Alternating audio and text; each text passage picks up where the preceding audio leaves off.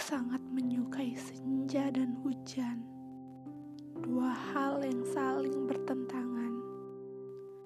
Senja yang memberi kehangatan, sedangkan hujan yang hanya memberikan rasa dingin yang menusuk tulang.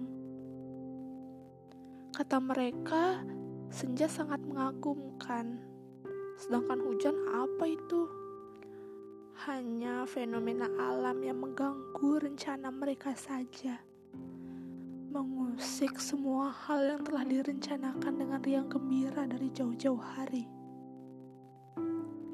Hujan selalu dijadikan alasan klasik dalam setiap hal yang gagal mereka lakukan di luaran sana.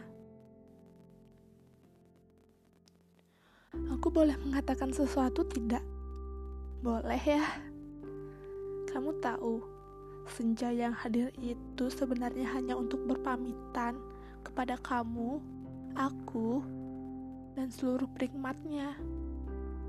Kamu tahu kenapa? Karena dia ingin menghangatkan belahan bumi yang lain, bukan hanya kamu saja. Jadi sampai sini paham ya?